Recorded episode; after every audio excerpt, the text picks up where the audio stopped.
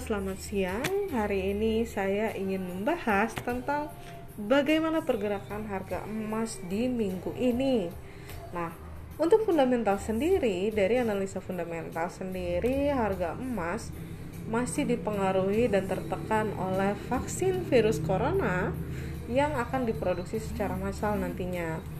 Dan selanjutnya eh, ada FOMC meeting dan kemudian tentang uh, perkembangan atau progres dari pemilihan AS yang katanya kan Trump masih akan mengajukan banding untuk ke depannya.